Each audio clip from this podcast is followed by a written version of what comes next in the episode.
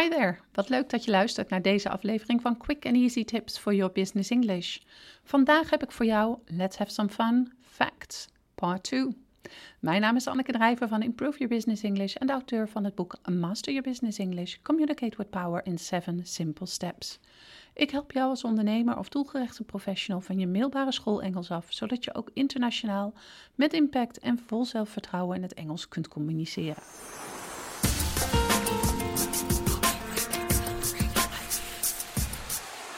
De vorige podcast ging over verschillende interessante en fascinerende feitjes over de Engelse taal. Misschien kun je je nog herinneren dat Shakespeare ervoor heeft gezorgd dat er meer dan 1500 woorden in de Engelse taal zijn opgenomen en dat de overwinning van de Normaanse William the Conqueror indirect resulteerde in het feit dat wij tegenwoordig enorm veel Franse equivalenten voor Engelse woorden kennen. Deze podcast gaat door op de vorige podcast met het benoemen van een aantal interessante feiten over de Engelse taal. En deze zullen wat korter zijn dan de feitjes van de vorige podcast, maar zeker niet minder interessant. Ik zal nu met name ingaan op feiten over Engelse woorden en de taal in het algemeen. Feit nummer 1. Woordenaantal. De Engelse taal krijgt er per jaar ongeveer 4000 nieuwe woorden bij. Dit komt neer op zo'n 10 woorden per dag. Naast nieuwe woorden verschilt het woordgebruik ook enorm per jaar. Je raadt het misschien wel, maar de woorden lockdown, quarantine en social distance werden amper gebruikt in 2019 en gigantisch veel in 2020. Dit illustreert op een duidelijke manier hoe wendbaar de taal is. Taal leeft en varieert als het ware met ons mee. Daarnaast is het Engels de taal met het grootste woordenaantal van de wereld. Er wordt namelijk geschat dat de Engelse taal meer dan een miljoen woorden bevat. Niet gevreesd, niemand kent de woorden en betekenissen van al deze woorden. Een gemiddelde spreker van het Engels kent, hè, maar tussen aanhalingstekens, zo'n 20.000 tot 30.000 woorden. Feit nummer 2. Wereldtaal.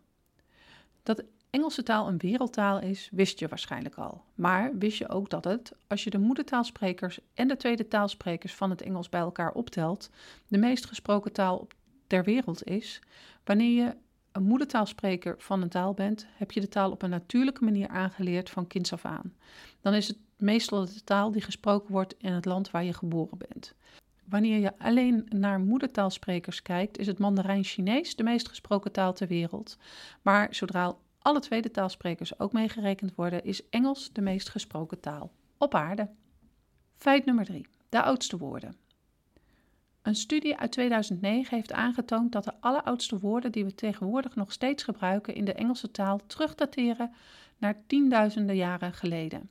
Dit zijn onder andere de woorden I, we, two en three. Veel informatie bestaat er echter niet van het taalgebruik van zover terug, omdat het schrift toen nog niet was uitgevonden. Hierdoor zijn er geen vastgelegde bronnen die het taalgebruik uit die tijd weergeven. Een andere studie heeft onderzoek gedaan naar woorden die gesproken werden bij de oude Engelse taalvariant, die gesproken werd tussen de 5e eeuw tot ongeveer de 11e eeuw.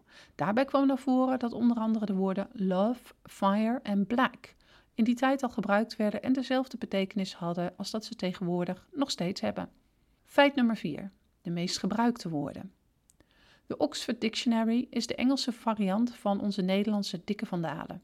Dat woordenboek heeft onderzoek gedaan naar de meest gebruikte Engelse woorden. Van alle woorden is het voorzetsel the het meest gebruikt. Wanneer er alleen maar zelfstandige naam gekeken wordt, is time het meest gebruikte woord. Op nummer 2 en 3 volgen de zelfstandige naamwoorden person en year. De vier bijvoeglijke naamwoorden die het meest gebruikt worden zijn good, new, first en last. En nu een vraag aan jou. Zou je zelf een inschatting kunnen maken van de top 5 meest gebruikte werkwoorden in het Engels? Waag een gok en laat het me weten in de reacties. Feit nummer 5. Talenfamilies. Talenfamilies, hoor je dat goed? Jazeker. Talen kunnen op basis van hun oorsprong ingedeeld worden in verschillende talenfamilies en subgroepen.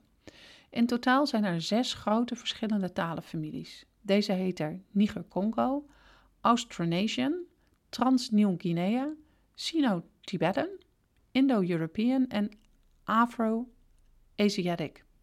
Zowel het Engels als het Nederlands behoren tot de Indo-Europese talenfamilie. Deze familie is wederom onder te verdelen tussen andere subgroepen, zoals onder andere Romaanse talen, Germaanse talen, Slavische talen en Baltische talen. Zowel het Nederlands als het Engels behoren tot de groep Germaanse talen. Door naar de talenfamilies te kijken valt te achterhalen hoe talen ontwikkeld zijn.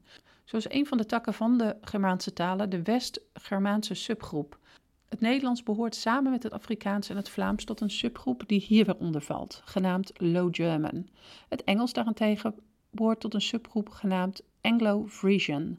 En misschien komt het woord Frisian je wel bekend voor. Dat is namelijk het Fries, de taal die in de Nederlandse provincie Friesland gesproken wordt. Een grappig feitje is dus dat het Fries dichter verwant is aan het Engels dan aan het Nederlands. Dat niet alleen, het Fries is daarnaast ook de taal die het dichtst verwant is aan het Engels in vergelijking tot alle andere talen.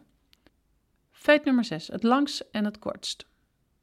Het langste en het kortst. Het langste Engelse woord in de Engelse taal, en ik hoop dat ik het goed uitspreek, is pneumono ultra microscopic silico volcano knosis. Dit is een medische term die verwijst naar een bepaalde longaandoening.